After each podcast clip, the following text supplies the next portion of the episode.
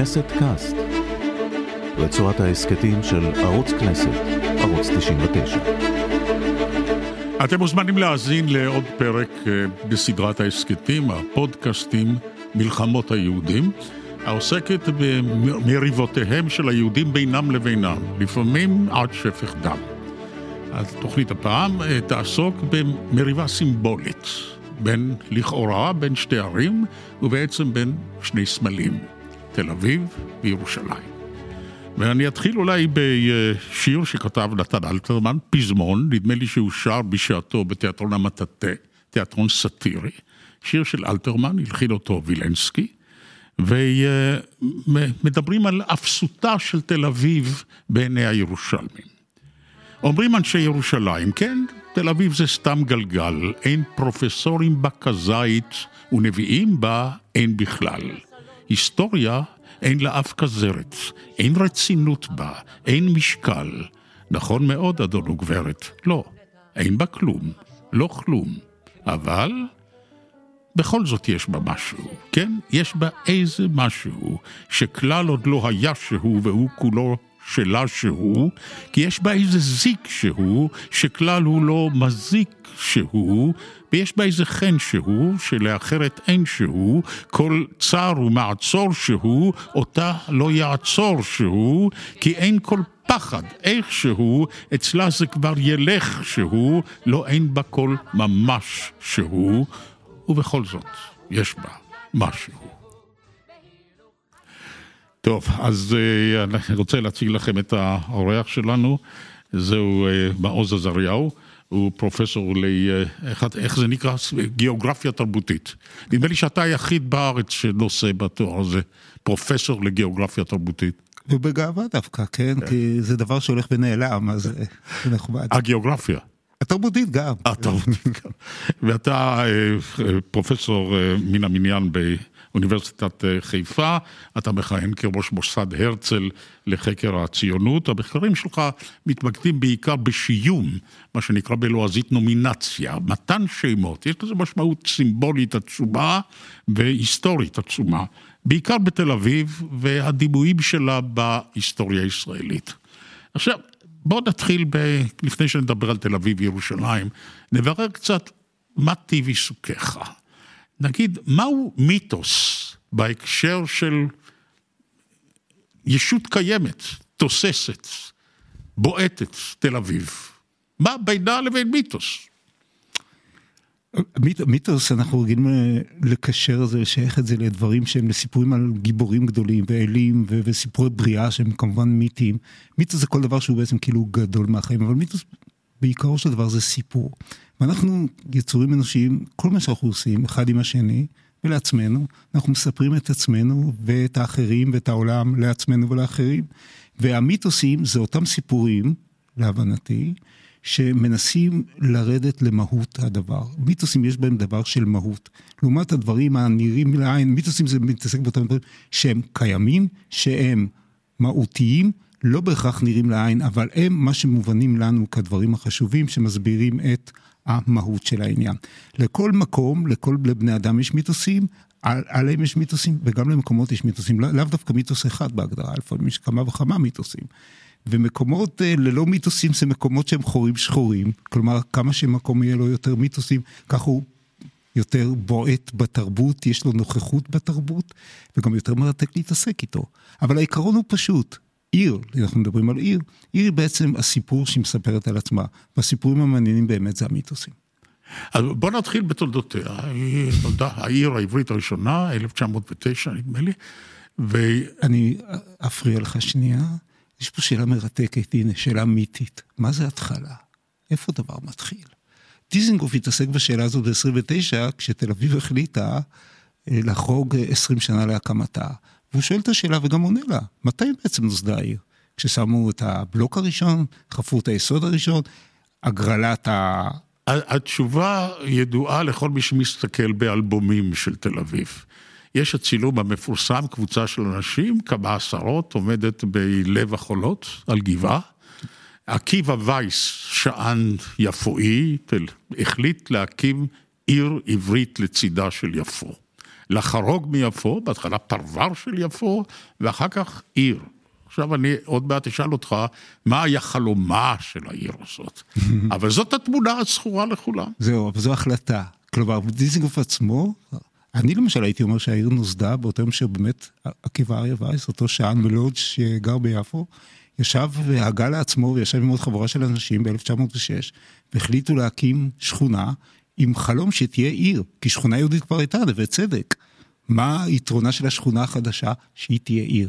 לא רק עיר, עיר עברית ראשונה. אז אולי זה הרגע. ויש שיגידו שאולי העיר נוסדה ב-1910 כשהחליטו ששמה של השכונה שנקראה אחוזת בית, כי זה שמה של החברה. לא החברה המקימה. החברה המקימה, כמו סביוני תל אביב, כן? Yeah. כן. יקראו לה תל אביב, אולי זה הרגע שהיא נוסדה בו, כשניתן לה שם, ואז היא פתאום הפכה להיות ישות קיימת. אז כן, התמונה המפורסמת הזאת, שגם לא כל כך ידוע ממתי ומאיפה וכולי, אבל כמו שאמרנו, הכל מיתוס. מגרילים שם את. בתמונה, הגרלת המגרשים, כן. כן. דרך אגב, אפרופו הגרלה, אני חייב לספר לך, זה פשוט, אני אוהב הגרלות, ואני אוהב את עקיבא אריה וייס, ואני תמיד שואל את עצמי, כל פעם שאני עובר ליד מגדל שלום וליד הבית שלו, שם, בפינה, אחד העם הרצל, איך זה קרה שבהגרלה הוא קיבל את המקום הכי טוב שיש? אבל זה טבעה של הגרלה. זה מעניין, שאלה שלא שאלתי. זה המקום הכי טוב שיש. הכי קרוב, לגימנסיה. לגימנסיה הרצליה. כן. זה בעצם, אפשר לומר שהמפעל הראשון בתל אביב הוא מפעל חינוכי. ויש לזה משמעות היסטורית. חינוכי בעברית. בתל אביב אין בית כנסת. יש גימנסיה שעוברת מיפו, גימנסיה עברית. העיר העברית הראשונה, המוסד, המקדש מעט שלה, הוא מוסד חינוכי בעברית. אני חושב שזו אמירה חזקה ביותר, כן, על העיר הזאת. עכשיו, כש, כשמתארים אה, מהלכים היסטוריים, אה, אז בדרך כלל בסגנון של יינג ויין, נאמר ככה. העיר היא גם נגד משהו. אז אחוזת בית היא נגד יפו. היא נגד uh, הקיבוץ. באותה שנה שנוסדה תל אביב, נוסדה גם דגניה. אז זה, אלה הם שתי תפיסות של העברי החדש. האם הוא יהיה כמו בגלות, איש עירוני או איש העיירה, או שהוא יהיה בסגנון דוב ברברוכוב, אה, סוציאליסט, עובד אדמה, עיקר, קשוח, נפוח שרירים, או סויכר. אז מה, אז יש פה מאבק, יש גם חיפה. באלטנוילנד, בספרו של הרצל, עיר הבירה של הארץ, של המדינה היהודית, תהיה חיפה. עיר התעשייה הכבדה. אז, אז, אז המקום הזה, המקום הזה הוא, הוא גם נגד. כש... נגד הוויות אחרות. זה אנחנו יודעים בדיעבד עליו. כלומר, כשהוא מוקם, הוא מוקם, חייבים להגיד, את תל אביב היא שכונת בני ביתך. רוב אלה שקנו שם 60, 66 משפחות בעצם, על האנדרטה יש 66 משפחות, רצו לשפר את חייהם, שכונה חדשה, זר בורגנית, בורגנית, זה כל הסיפור כולו. צמוד קרקע, כל המילים העכשוויות הן נכונות אז. היו כמה אנשים שראו את, ההמש... את החזון הגדול, וזה עקיבא אריה וייס, ודיזינגוף כמובן, שברגע שהפך להיות ראש הוועד, כן, הוא, הוא המקדם של העיר, של העיר הזאת, של השכונה, רובע, ש... וה-64 הרוכשים הראשונים, מה הם, תושבי יפו עד אז, או עולים חדשים? חלקם וחלקם, ויש אנשים שגרים בחו"ל וקונים אדמות, וקונים אדמה לבנות להם בית בארץ. למה הם לא נוסעים לירושלים? צריך לשים את הדברים בקונטקסט של התאריך, המועד הזה.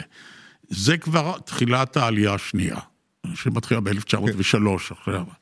אבל מספר התושבים בארץ ישראל כולה, יהודים 70, 80 אלף.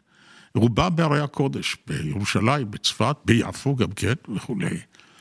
למה לא ירושלים? למשל, ראשוני החלוצים של העלייה הראשונה, שהם התימנים, קבוצה של תימנים, היא בוחרת לגור בכפר השילוח בירושלים. זאת משאת הנפש. ירושלים היא משאת הנפש הציונית, ולא איזה חור על החולות.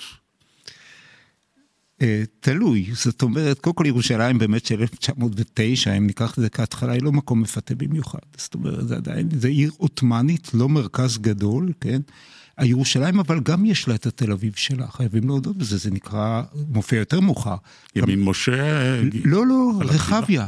רחביה. השכונות העבריות האלה, כשב-1904, אחרי מותו של הרצל, אליעזר בן יהודה מציע לקבוע, לבנות עיר עברית או שכונה עברית בירושלים. וכשאתה קורא את זה, אם לא היית יודע על מה מדובר, היית חושב שהוא מדבר על תל אביב. הכוונה הייתה בעתיד לרחביה. כל עיר מעורבת יש לה שכונה עברית. בחיפה, עוד פעם, מאוחר, 20 שנה אחר כך, זה הדר הכרמל, שחוגגת עכשיו 100 שנים, כן? בדיוק השנה. לא עם הערבים.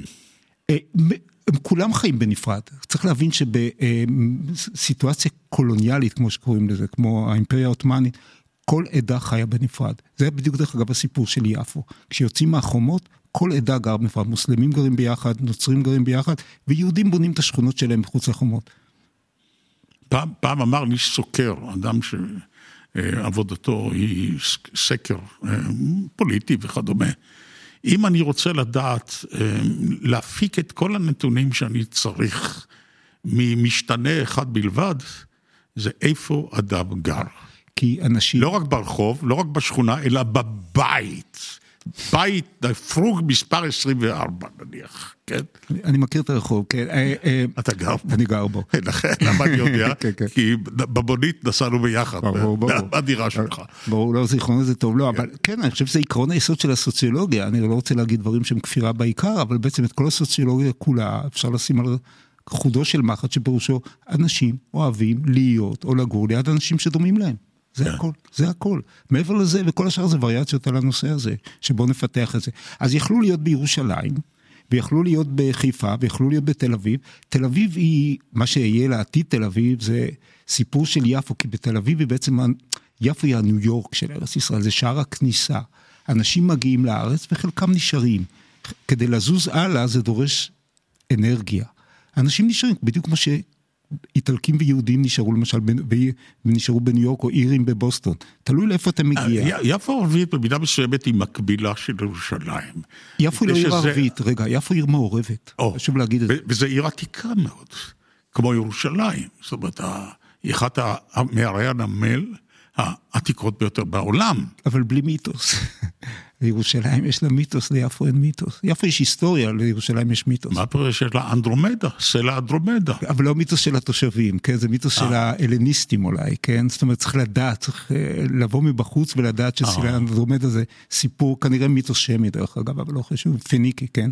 כנראה. של אנדרומדה כן. העקודה לסלע בים. כן, שהיוונים אימצו, כמו שהם אימצו את האלף-בית הפניקים, אימצו עוד כמה כן. חלק מהמיתולוגיה שלהם, אבל יפו עיר בעצם...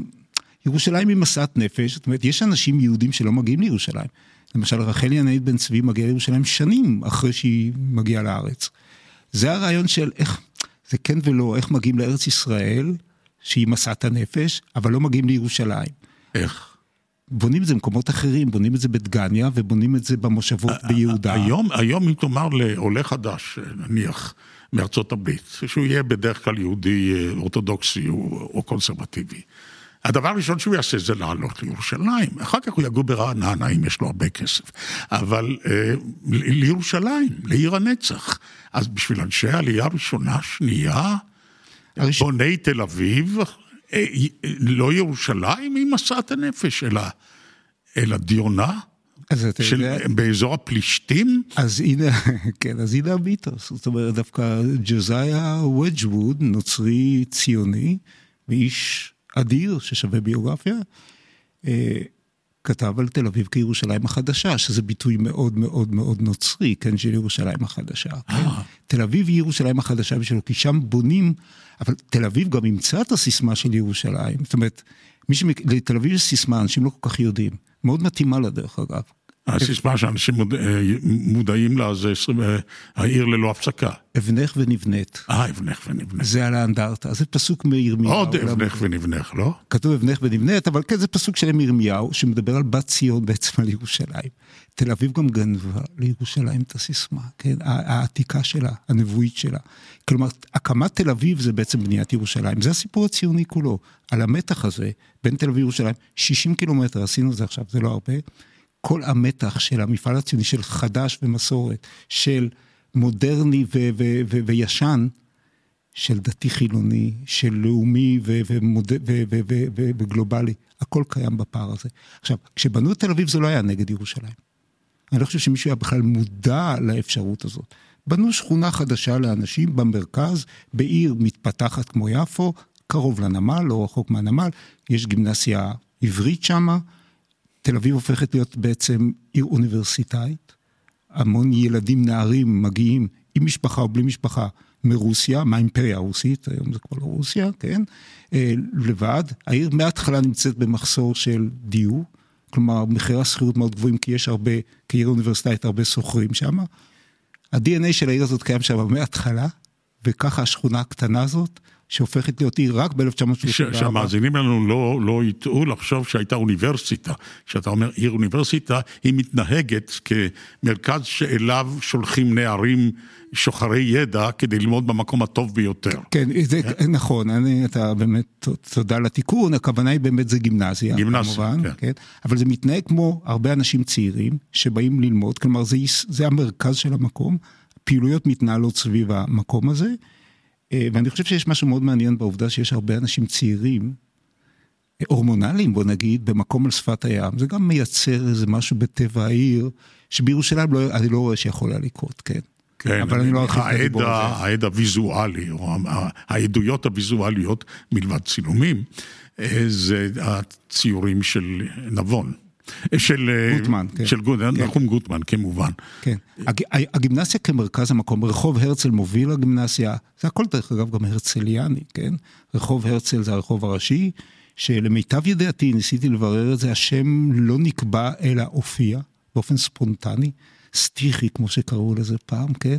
שאר השמות נקבעו, וזה מוביל לגימנסיה הרצליה, ולכן העיר לא נקראת הרצליה, מה שיכול היה להיות, אלא תל אביב. ומותר להגיד עוד משהו ברמה מיתית, אני חושב שזה מאוד חביב.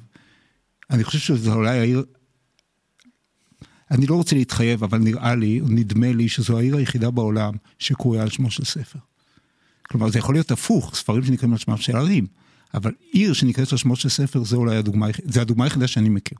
תל אביב זה הרי התרגום של אה, סוקולוב לאלטנוילנד של הרצל. של הרצל? כן. כן.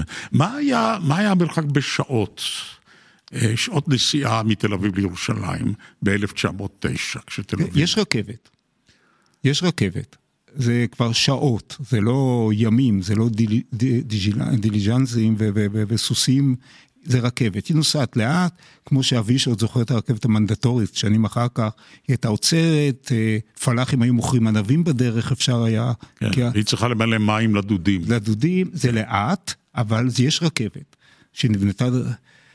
כן, וכיוון שהעיר תל אביב חפורה היום, ובונים קווים ירוקים ואדומים וסגולים בכל מיני צבעים, באמת כל צבעי הקשת כמתאים לאופי של העיר הזאת, זה מעניין לראות שאת הקו, נכון, רק מסילה אחת, שבנו ב-1892 יזמים יהודים בין יפו לירושלים, לקח שנה וחצי. נדמה לי, האח של הסבא רבא של יצחק נבון.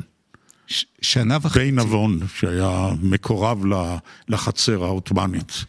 אבל שנה וחצי, בלי מחשבים, בלי דחפורים. כן. זה הישג גדול. עכשיו, מה, מה, מה, מה המצב של ירושלים באותו זמן?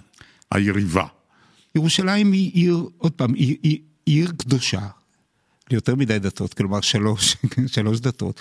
כמו כל עיר, מחולקת לאוכלוסיות אה, גרות בנפרד, מאוד מופרדות ומובדלות. רוב יהודי. כבר, נכון? רוב יהודי, תמיד היה רוב יהודי קטן, רוב יהודי אבל בירושלים, מה שלא מנע מהבריטים להקפיד על זה שראש העיר היה ערבי, כן, מוסלמי, או נוצרי, תלוי, עוד פעם משפחות, כן.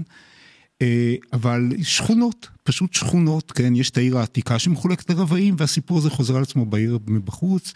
כלומר, היהודים מתפשטים צפון אה, זה מאה שערים בכל השכונות האלה, לכל מיני מקומות, שמעון הצדיק, שייח' ג'ר... קורים כל מיני דברים. השכונות העבריות של ירושלים נוסדות רק בשנות ה-20 כשהמנדט מגיע. כלומר, כשסוללים את רחוב המלך ג'ורג' בשנות, בשנת 20, שנות 20 המוקדמות, השם ניתן ב-24, אז זה המקום של העיר העברית. כלומר, יש גם איזו עיר עברית שמופיעה בירושלים. עוד פעם, רחביה, עם אותו סגנון בנייה כמו תל אביב, ידוע בכינויו באו-האוס, כן? רק מחופה באבנים. אז ירושלים היא בעצם כמו תל אביב, עם כל האלמנט של הקדושה שחסר בתל אביב. תל אביב היא עיר חילונית. היא לא עיר חילונית במובן הזה שהאנשים שם הם חילונים. להפך, האנשים הם ברובם, בטח שומרי מסורת, בטח בהתחלה. את השער לרכבת, למסילת הברזל בדרום של רחוב הרצל, היו סוגרים בשבת כדי שלא תהיה פעילות מסחרית ולא ייכנסו עגלות. ככה תל אביב התחילה. הרעיון של עיר חילונית, אני חייב להגיד עליו משהו, זה... זו המצאה עכשווית. תל אביב אף פעם לא הייתה חילונית. היא לא הייתה אבל עיר דתית, ובטח לא היה לה מיתוס דתי, זה הסיפור שלה. תל אביב הייתה מלאה באוכלוסייה דתית, בטח בשנות ה-30, כשהגיעו עליות, כשהגיעו מאירופה חצרות של חסידים, בתל אביב יש מאות בתי כנסת, בטח באזור שאתה חי בו. כלומר, אני, אני גר בצ'ופצ'יק של הקומקום. בבלפור, אגב, גם אם אתה עוסק בנומינציה, אז אה, יש רחוב אחד העם, אבל אני גר ברחוב בלפור. ובלפור מת, אה, מצטלב עם רוטשילד. בלפור שלח את המכתב ההכרה בהקמתה של מדינה יהודית בארץ ישראל לרוטשילד. אני, אני קורא את ההיסטוריה הציונית ברחובות שבהם אני מתהלך. אתה, אתה עובר כמה בתים ממני, זה ביתו, הבית שבו גר שאול צ'רניחובסקי. על ידי זה הבית של רבניצקי חי, שהאיש כן. שותפו של ביאליק, אה, נביא, נביא התחייה היהודית במובנים רבים. זאת אומרת, בית אחרי בית, רחוב לא רחוק ממני זה הגימנסיה הרצליה, החריבה כמובן, שמשפחת מאייר הרסה אותה ובנתה במקומה את מגדל שלום. עניין שאני לא שוחח, עד היום, עד היום אני פוגש מישהו ממשפחת מאייר, אנשים, יזמים גדולים, אנשים חרוצים, יש להם אה, זכויות רבות בבניינה של הארץ הזאת, אבל אני לא יכול לשכוח להם את זה. אתה יכול? את הרס הגימנסיה הרצליה.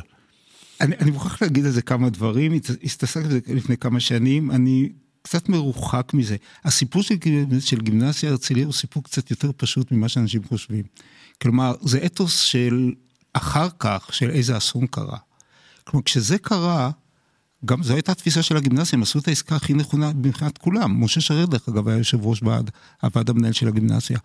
אתה לוקח בניין שהוא במצב גרוע במיוחד, וזז, והעיר כבר נטשה את המקום, זה כבר הדרום של העיר, העיר הרנטה מצפונה, תל אביב, עכשיו היא חוזרת דרומה. ואתה מקבל מגרש בצפון החדש, כן, מדרום לירקון, אבל בצפון החדש, ובונה מבנה מודרני, זו עסקה מוצלחת, זה כמו להחליף אוטו בן ארבע שנים באוטו yeah, אבל חדש. אבל שנים ספורות לאחר מכן, זה ש... אה, אנשים מרטו את שיער ראשיהם. זהו, מה שקרה פה זה שכל הכעס על הדבר היה של גוטמן ועוד נתן דונביץ' כתב נגד, כן, באמת מעט מאוד אנשים. נתן שהיה עיתונאי בארץ. בארץ, כן. אוהב העיר. מעט מאוד אנשים כתבו נגד זה, אבל אני חושב שמאוד שישבתי לקרוא את הדוח, ראיון בעיתון מהתקופה מ-59, עם קבלן ההריסה של הגימנסיה, שמספר, הוא גר ביד אליהו, והוא מספר שהריסת הגימנסיה הייתה המפעל ההריסה הכי קל שלו בחיים. רק נגעו בקיר, הוא התמוטט. Mm. וזו אמירה חזקה על מה היה מדובר. הקירות כורכר ודאי, כן. בנעמי כורכר, כן. כורכר או אפילו זיו זיו, זיו, כן. כן. בוא, בוא נדבר על אה, תל אביב אה, נגד, נגד הקיבוץ. זה מעניין, כן. כי במשך אה, שנים רבות, שנות נערותי, שנות נעוריי וילדותי בוודאי, הם שנות האבל על היחלשותה של התנועה הקיבוצית, שאז גרו בה, אני חושב, 11% מהאוכלוסייה הישראלית בשנים שאני הייתי ילד ונער, וזאת הייתה מעצמה תרבותית וכלכלית עצומה, התנועה הקיבוצית, לעומת תל אביב שמזכירה עיר פולנית, תל אביב היא גולה שנייה, אבל שם, ליד הכנרת, שם מגדלים את הישראלים, את העברים האמיתיים. זאת הייתה התפיסה, אפילו שלי, שאני לא, אני, אני עוד חי, כן? אני עוד לא היסטוריה. אתה יודע, לא, אבל זה בדיוק הנושא של המיתוס שאיתו פתחנו את הדיון. כן. הקיבוץ זה המיתוס הגדול, אבל באמת בתל אביב עיר זר בורגנית, קפיטליסטית, זו הייתה האידיאולוגיה שלה, לא עיר תעשייה, זה חשוב להגיד, התעשייה הכבדה הייתה בחיפה, בתל אביב הייתה מלאכה לכל היותר, אז היה בית חרוש לוג'יה, ולוג'יה כבר אמרתי, זאת אומרת... גרביים וטקסטיל. כן, טקסטיל כן. בעיקר, כן. אבל המרכז של התעמולה הציונית, ואני אשתמש בביטוי הזה לא, לא, לא, לא כביטוי שלילי, אבל הדגש האידיאולוגי, בטח כשיש הגמוניה לתנועת העבודה, כן, זה בין שנות ה-30, זה הקיבוצים. שם מתנהלת העשייה הציונית, היהודי שחוזר, הגיבור, החשוף החזה, שעובד עם הקלשון, כן, ומניף את השחת, זה, זה הדימויים הוויזואליים, זה גם מופיע בכל סרטי הקרן הקיימת ש... יוצאים לחו"ל, כן, הזריעה, כן, התנועת, התמונה והפלקטים, כן. אבל אחרי שאמרנו את כל זה, כל העיתונות הקיבוצית של התנועה הקיבוצית וכל המשרדים שלהם יושבים בתל אביב. ועיתון דבר נמצא ברחוב מלצ'ט.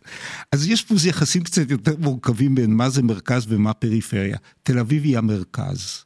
המרכז יש לו ערגה, ולחלקו, לא לכולם, לא כולם היו בעניין של ה... תל אביב גם היה אלמנט רוויזיוניסטי מאוד חזק. האצ"ל היה מאוד חזק בתל אביב, בטח לא בתנועה הקיבוצית, בטח לא בחיפה, הרבה פחות בחיפה. אבל המרכז הפעילות התרבותית של הארץ, מקום שבו מייצרים את המיתולוגיה של הציונות, זה בתל אביב. ואני חושב שזו אמירה מאוד חזקה להם. אז ירושלים, כמו שאלתרמן כותב, על זלזולם של אנשי ירושלים ואנשי תל אביב, אבל בכל זאת יש משהו בתל אביב, הוא בגן על תל אביב שלו. הפרופסורים בירושלים זהו, אומרים... זהו, כי יש שם אוניברסיטה. יש שם אוניברסיטה. בירושלים. באיזה שנה? 25 בערך היא מתחילה לפעול, כן, יש שם אוניברסיטה. על הר הצופים. על הר הצופים, בתל אביב יש גימנסיה. גם בירושלים יש גימנסיה עברית, אבל בירושלים יש אוניברסיטה.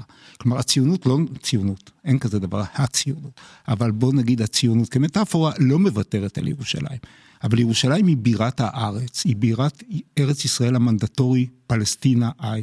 כלומר, שם נמצא השלטון הבריטי, שם נמצאים המוסדות הציוניים, כלומר, הקרן הקיימת, קרן היסוד, הוועד הלאומי, הם כולם ירושלמים.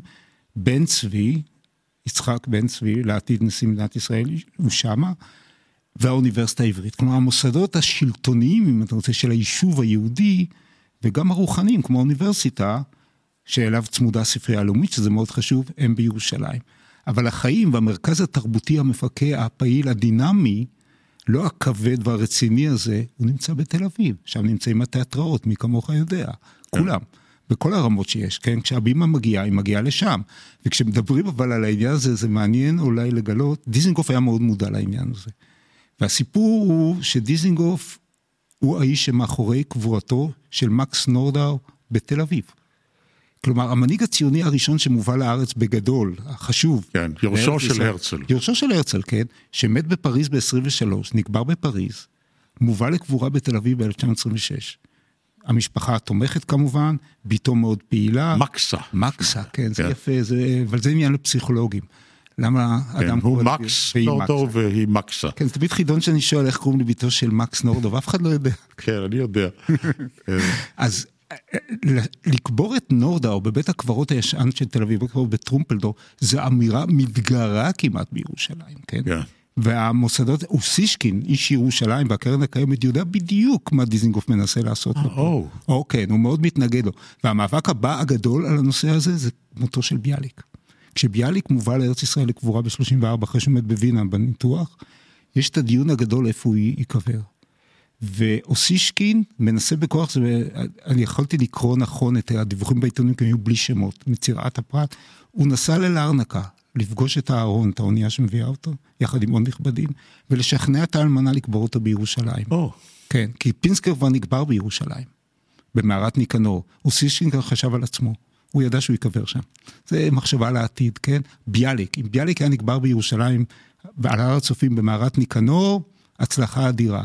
אשתו של ביאליק מניה לא מוכנה, יש, הוא כבר, ביאליק קנה פשוט חלקת קבר ליד אחד העם, בטרומפלדור. והארמון שלו ברחוב ביאליק בתל אביב אה, נמצא בתל אביב.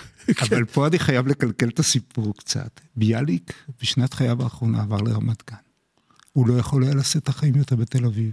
את כל הנודניקים שבאו עם השירים שלהם אליו. כן. את העסקנות הבלתי זה, הוא לא יכול, הם עברו בשביל השקט לפרבר הגנים של תל אביב, הידוע בכינויו רמת גן, ויש שם את, על הר גן אברהם, שם יש את הכיסא של ביאליק, ואז הוא נפטר, אבל ביאליק גר ברמת גן, הוא הזכיר את ביתו בתל אביב. אני, אני רוצה לקרוא עוד שיר אחד, אני אקרא עוד, עוד אולי אחד. יהודה עמיחי היה בפירוש איש ירושלים, ובעשרות השנים האחרונות לחייו הוא חי בימין משה. מול הר ציון, ולמרות זאת הוא איש, הוא מעיד על עצמו כאיש מאמין, או יש בו, אבל הוא איש חילוני, הוא חי כחילוני. אבל מה הוא אומר על ירושלים? שיר מאוד יפה בעיניי.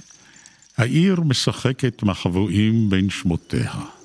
ירושלים, אל-קודס, שלם, ג'רו, ירו, לוחשת יבוס, יבוס, בחשיכה, בוכה בגעגועים, אליה קפיטולינה, אליה, אליה.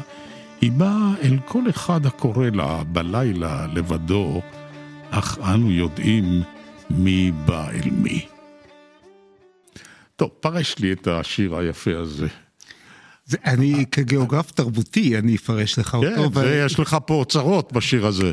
ותודה שהכרת לי אותו. אה, יש פה אמירה נורא יפה, זאת אומרת, אנחנו אומרים בירושלים, ובאמת יש לה הרבה שמות, ויש לה גם שמות היסטוריים, יש פה בכלל שאלה, האם עיר היא אותו הדבר? זאת אומרת, האם איליה קפיטוליון בירושלים זה אותו דבר? זו שאלה פילוסופית.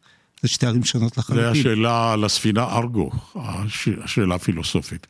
הספינה ארגו של הארגונאוטים שנסעו לקולחיס להביא את גזעת הזהב במסע המפורסם שלהם, המיתי, והספינה שלהם נרכבת אט אט, ומחליפים את הלבחים שלה, את הלוחות עץ. האם אחרי אלף שנה זוהי ארגו? בדיוק השאלה. אם כי ירושלים כן שימרה את השם ירושלים, או ירוזלמה, או ג'רוזלם דרך הנצרות כמובן. זה די מדהים איך השם חזר מיד כשה... אחרי שקונסטנטין הביא את הנצרות, דרך הנצרות השם ג'רוזלם חזר.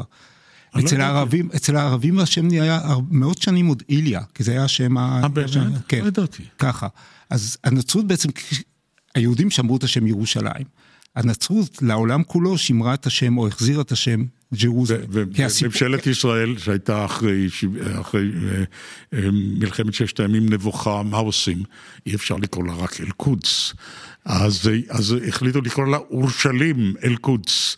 זה תעתיק, זה הפטנט של תעתיק, אתה מתעתק את השם, קצת דומה אולי למכתבי תל אל-אמרנה, איך שהשם אה, מוזכר שם העיר הזאת. מישהו אמר לי שאורשלים הוא בשימוש ערבים, אבל ערבים נוצרים. בתקופה מאוד מוגבלת בהיסטוריה, וממשלת ישראל הוציאה את זה מתום הנשייה כדי שלא יקראו לירושלים אה, רק אל-קודס, אז זה אורשלים אל-קודס. זה, זה ניס... כן, אני, זה, זה פוליטיקה, אנחנו גם מתעסקים בפוליטיקה קצת, קצת לטעמי מגוחכת. אלקוט זה גם לא שם, זה שם תואר, זה הקדושה, אפשר להדביק על זה על כל עיר אם רוצים, כן, אבל לא חשוב. אה, אני אטען, זו טענה קצת, אה, הייתי אומר, רדיקלית, שאין ירושלים. יש המון ערים, וזה בדיוק מה שהשיר של יהודה עמיחי אומר, יש המון ערים שחיות באותו מקום. Yeah. זה, זה הסיפור שקיים כאן, ויש פה אוכלוסיות שונות שחיות זו לצד זו בעיר, כל אחת בעיר שלה, ולפעמים בקווי התפר בין אחת לשנייה יש חיכוכים וזה מדמם, כי זה כמו yeah. תפירה. אבל הסיפור של ירושלים הוא סיפור אדיר של עיר שמתגלגלת בהיסטוריה, הנה הספינה ארגוס הזה, מה נשאר מהעיר הזאתי? כי, אבל ירושלים זה המיתוס שלה, כי ירושלים היא עיר שחיה על ציר של היסטוריה, עיר שכל הזמן מדברת עם עצמה ועם המרכיבים שלה עכשיו. מה שאי אפשר להגיד על תל אביב, תל אביב היא עיר מאוד סינכרונית, היא חיה בעכשיו שלה, בונים עכשיו מוזיאון היסטורי בתל אביב, יפתחו אותו אולי עוד כמה חדשים, הרבה היסטוריה לא יהיה שם, כי זה יהיה יותר מרכז מבקרים, כי זה תל אביב, כן, מאוד מאפיין, כן, אבל ירושלים מאוד עסוקה בעצמה, ובהיסטוריה שלה, על איזה ציר היסטורי שמביא בין הייסוד המיתולוגי שלה, שאף אחד לא יודע מתי היה. אפרופו ממשלת ישראל, ניסו להגדיר את הייסוד שלה ביום ש... כשדוד המלך הכריז עליה כבירה, כלומר זה היה שלושת אלפים שנה לירושלים. זה לא שלושת אלפים שנה לירושלים. הוא קנה את... כשהוא כבש אותה בעצם. גורן ארבנה היבוסי. כבש אותה, כן. כבש אותה, כן. פשוט כבש סיפור מאוד מורכב לא, ומסובך. לא, לא, הוא קודם כל קנה. הוא קודם כל קנה, תראה, תגן על, ה, תגן על הטענות הציוניות. אין לי בעיה עם כיבושים. כמו עם חברון. מה, אברהם קנה. אברהם קנה. ודוד קנה את גורן ארבנה היבוסי. יש שם כיבוש עם סיפור מאוד מסובך דרך בסדר. צינור, אבל אולי גם קנה וגם, זה הולך בסדר, כן? את, את יצרו הוא לא כבש, זה אנחנו יודעים, אני מדבר על דוד המלך. כן? שלושת אלפים שנה, זה כאילו מתי ההתחלה שלה. וירושלים מחוברת בקצה השני, זה תמיד נראה לי משהו קוסמולוגי לנצח. לתל אביב אין שום אמירה על נצח.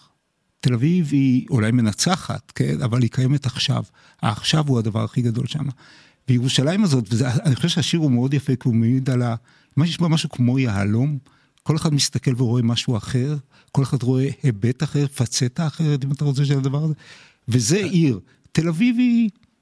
דרך אגב, כשאומרים תל אביב, וזה גם סקרים מראים, תל אביב זה אותו אזור בין הירקון עד בערך hmm, כיכר המושבות. כן, זה, זה תל אביב, וכל השאר, זה כל השאר, כן. זה מעבר לירקון, כל מה שמעבר לירקון ומעבר לאיילון. אין, אין עיר כזאת ברישומים הרשמיים שנקראת תל אביב. יש תל אביב יפו.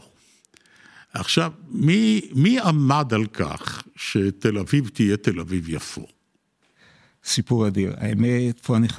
אתה יודע מה? צריך להגיד תודה לאדם אחד. יש לו שם, ורק בשביל זה מגיע לו השדרות שהוא קיבל. ישראל רוקח. ראש העירייה, יורשו של דיזינגוף. כי ההחלטה, הסיפור הוא טיפ-טיפה מסובך, אני אעשה אותו נורא פשוט. תל אביב לא באמת הייתה עיריית תל אביב, אין תל אביב. תל אביב לא קיימת, הנה מיתוס. תל אביב לא מדברת ולא עושה. יש עירייה, יש פקידים, הם כולם, יש להם מה להגיד. אה, תל אביב היא לא מעוניינת ביפו, היא בעצם ממשלת ישראל די מאלצת את תל אביב לספח את יפו, כי היא יכולה לספק שירותים לעולים החדשים. ב-48. 49 זה קורה, 49. כן, כן, כן. אה, ותל אביב גם מקבלת בתמורה את... יפו מתרוקנת כמעט מתושביה. נשארים 4,000 ערבים פחות או יותר, שמרוכזים בעג'מי, פחות, ומיד מגיעים הבולגרים, כן, אבל... ואז עולה שאלת השם. ממשלת ישראל בשתי ישיבות דנה בשאלת השמה של העיר המאוחדת. ובן גוריון, שלא גר בתל אביב, לא אהב את תל אביב, הוא ברח מאוד רחוק עד שדה בוקר. עומד על כך שלעיר יקראו, קודם כל הוא הציע את השם יפו, זה היה השם שלו, כי יפו היא העיר ההיסטורית, ואחרי זה יש דיונים והצבעות ב... ב, ב שהוא הציע שהעיר המאוחדת תיקרא יפו? זו ההצעה הראשונה שלו, כן, וההצעות הבאות... לבטל את תל אביב? תל אביב היא בעצם צמחה בתוך יפו, מה אה. מאוד הגיוני. תל אביב גם הייתה חלק מיפו עד 34, רק ב-34 הבריטים נתנו לה מעמד של עירייה עצמאית, כשהייתה כבר 100 אלף תושבים. ו... אבל הפשרה הייתה לקרוא לעיר הזאת יפו תל אביב, וכל העיתונים בישראל היה להם מה להגיד על הנושא. היו כאלה והיו כאלה, והיו פטריוטים שאמרו מה פתאום יפו זה האויבת הגדולה ורק עכשיו זה, ואחרים ככה, והחלטת הממשלה הייתה לקרוא לזה יפו תל אביב. רוקח עשה הפגנה, לא בדיוק עזר, והאיש השני שאנחנו חייבים לו תל אביב יפו, זה פנקס, גם לשמו יש רחוב גדול, שהיה שר הפנים. פתאום בן גוריון שם לב באיזשהו שלב שמקבלים הודעה על משהו שקוראים לעיר תל אביב יפו. והוא שואל מה קרה, אבל החלטנו החלטת ממשלה לקרוא לה יפו תל אביב. ואז עושים עוד פעם הצבעה, בן גוריון הפסיד, אולי התבוסה הסימבולית הכי גדולה שלו בחיים. הוא לא רצה תל אביב. עכשיו, ממשלת, ממשלות ישראל עסקו בשאלה של הנומינציה, של השיום, האם זה יהיה תל אביב-יפו, האם יפו או יפו תל אביב. שתי ישיבות, אחת ב-49, אחת ב-1950, עם רמאות בסגנון של יעקב ועשו של גניבה. כן, כן זה סיפור תגיד, באמת... אה, עכשיו, בוא, בוא נסכם, אנחנו הולכים לקראת סיכום, בלית ברירה. אה, כשאתה מביט היום על יפו, ועל, על יפו, על יפו תל אביב ועל ירושלים, אה, שהן קרובות מאוד, הן מתחילות... להתחבר, כן. להתחבר, דרך מודיעין, אתה יודע, עוד מעט זאת תהיה עיר אחת. בכל זאת, כשאתה מעמת את המציאות עם התקוות, או עם תפיסת המציאות המעוותת, המיופה של שתי הערים האלה, מה אתה רואה בעצם? מה הם באמת? זה שתי ערים שמשרתות מבחינתי, אנשים מדברים על הניגוד בין השתיים, כלומר, מדינת תל אביב החילונית, המתקדמת, הפלורליסטית וכולי וכולי, בירושלים החשוכה. אני רואה את זה בדיוק הפוך, אני ממש רואה את שתי הערים האלה בהוויה הישראלית שהיא מאוד פלורליסטית, מאוד מגוונת, אה, כאולי כמו הפלוס והמינוס של סוללה שמייצרות חשמל. אני רואה את האנרגיה שנוצרת במגע בין, בין שתי הערים האלה. כל אחד אולי יחליט לעצמו מה זה הפלוס ומה זה המינוס של הערים האלה, ואני בטוח שהדעות תהיינה חלוקות, אבל זה המקום של יצירת האנרגיה. ואני חושב שזה דבר נפלא, שבמדינה הזאת אנשים יוכלו לבחור איפה הם, למה הם רוצים להשתייך. שהירושלמים ילכו לירושלים, והתל אביבים יישארו בתל אביב, וימשיכו לצעוק אחד על השני, כן? וייסעו לבקר אחד בשני אה, בים, יש לנו את חוף ירושלים, אני מדבר כתל אביבי עכשיו, יש לנו את חוף ירושלים בתל אביב, ירושלים מאוד קרובה אליי, כן? אין רחוב תל אביב בירושלים, זה מעניין. בסופו של דבר, בגדול, אני חושב שבמאבק הסימבולי בין שתי הערים האלה, עדיין ירושלים מובילה. היא לא כל כך עסוקה במאבק סימבולי תל אביב. עיקר העיסוק הוא של תל אביבים, או תל אביבים חדשים, מהגרים שזה עתה הגיעו. אז צריך לחכות ולראות לאיפה זה מתקדם. אבל, אם נותר עוד משפט, זה סיפור שאני חושב שהוא מדהים במובן הזה, שבעצם הציונות פה מייצרת את מה שהיא מכירה, מאיפה שהיא באה, מאיפה שהיא נוצרה, האימפריה הרוסית. זה סנט פיטרבורג ומוסקבה, אותו דיון בין שתי ערים. בדיוק, מאבק סימבולי, עיר חדשה, עיר ישנה, הבירה הדתית הישנה, וזה נע בין שתי ערים. כן, אנלוגיות כאלה יש הרבה ברומן הגדול של דיקנס באמצע המאה ה-19, בין שתי ערים, בעברית קוראים לו שתי ערים, קוראים לו באנגלית, זה פריס המהפכנית, הרצחנית, ולונדון המיושבת בדעתה, כן, יש שתי הערים האלה. ויש רבות כאלה, אצל עגנון יש שתי ערים, אבל שנקראות באותו שם דרך אגב, אחת עיר בחצרות והשנייה עיר מסחרית, אה, עיירה. וכן, אה, ואני בטוח שיש עוד כאלה, אני יודע, יש ניו יורק, ניו יורק ולוס אנג'לס, אני חושב, הם שני הניגודים הגדולים, לא? כן, בבריטניה זה, נגיד בסקוטלנד זה גלסגו ואדינבורג, זה קורה, לא, אבל כן. בסן פיטרבורג ומוסקבה זה העניין של העיר, הבירה ההיסטורית והדתית. כן. נכון. זה הכובד הגדול נכון. שיש פה. טוב, כי לנינגרד בנה פיטר הגדול על עצמות של עשרות אלפי אה, איכרים רוסים, כפי שנאמר. ואתה יודע... כדי להתקרב למערב, כדי... חלון למערב, תל אביב. כן. ואם אנחנו רוצים ברמה המיתית, תל אביב יש לה מיתוס שהוא כמו המיתוס של סנט פטרבורג, העיר, שם זה העיר שנוסדה על ביצות, פה זה העיר שנוסדה על חולות. יפה. פרופסור עזריהו, אני מודה לך מאוד, תודה שבאת. תודה על ההזמנה, תודה על השיחה. להסכתים שלנו, חן חן לך.